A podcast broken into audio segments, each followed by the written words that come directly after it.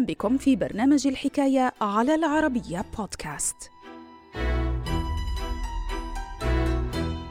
عام 1800 سلم جون آدمز ثاني رئيس بتاريخ البلاد بعد جورج واشنطن بشكل سلمي صلاحياته للرئيس الجديد توماس جيفرسون الفائز بالانتخابات هل أصبح الشكل الذي اتبعه آدمز تقليدا يقوم به الرؤساء خلال عملية تسليم السلطة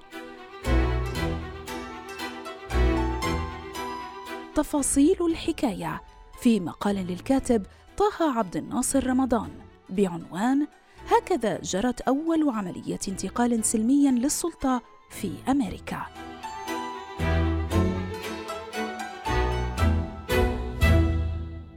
الحكاية.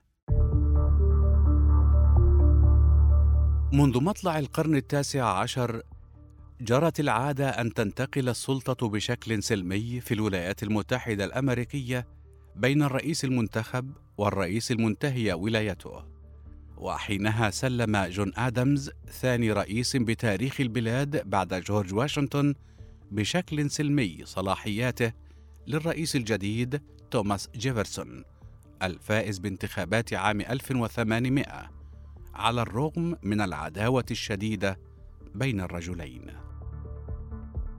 ففي عام 1796 فضل جورج واشنطن أول رئيس بتاريخ البلاد مغادرة منصبه وعدم الترشح لولاية ثالثة لتشهد حينها الولايات المتحدة تقدم مرشحين أساسيين للسباق الرئاسي.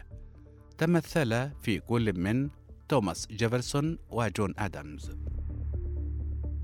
إلى ذلك شهدت نفس الفترة خلافا كبيرا بين الحزبين الأساسيين المتمثلين في الحزب الفيدرالي والحزب الجمهوري الديمقراطي. وعلى الرغم من وجودهما معا بحكومة الرئيس السابق جورج واشنطن اختلف العديد من الوزراء بسبب توجهاتهم الحزبية حيث وجد وزير الخارجية توماس جيفرسون نفسه في نزاعات مستمرة مع وزير الخزانة المنتمي للحزب الفيدرالي ألكسندر هاملتون حول مسألة تزايد نفوذ الحكومة الفيدرالية والنظام البنكي.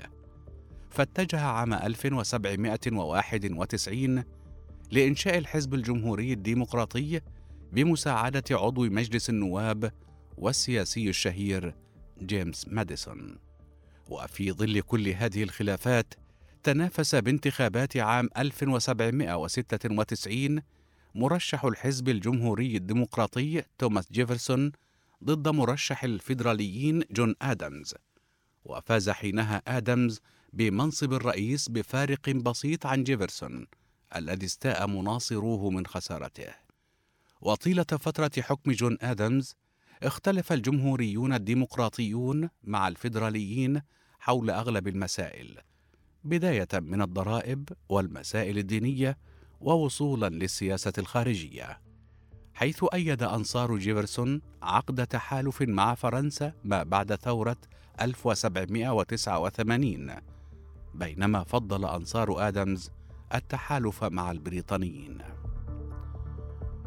في انتخابات عام 1800 عادت هذه الخلافات إلى الواجهة مجددا فطيلة الفترة التي سبقت الانتخابات تراشق كل من جيفرسون وآدمز الاتهامات كما لمح الجمهوريون الديمقراطيون لسعي الفيدراليين لإنهاء الديمقراطية وإنشاء نظام ملكي شبيه بذلك الموجود لدى البريطانيين. وقد جاءت نتائج هذه الانتخابات لتؤكد فوز كل من جيفرسون ونائبه آرون بور وهزيمة الرئيس جون آدمز الذي تعين عليه تسليم السلطة للفائز.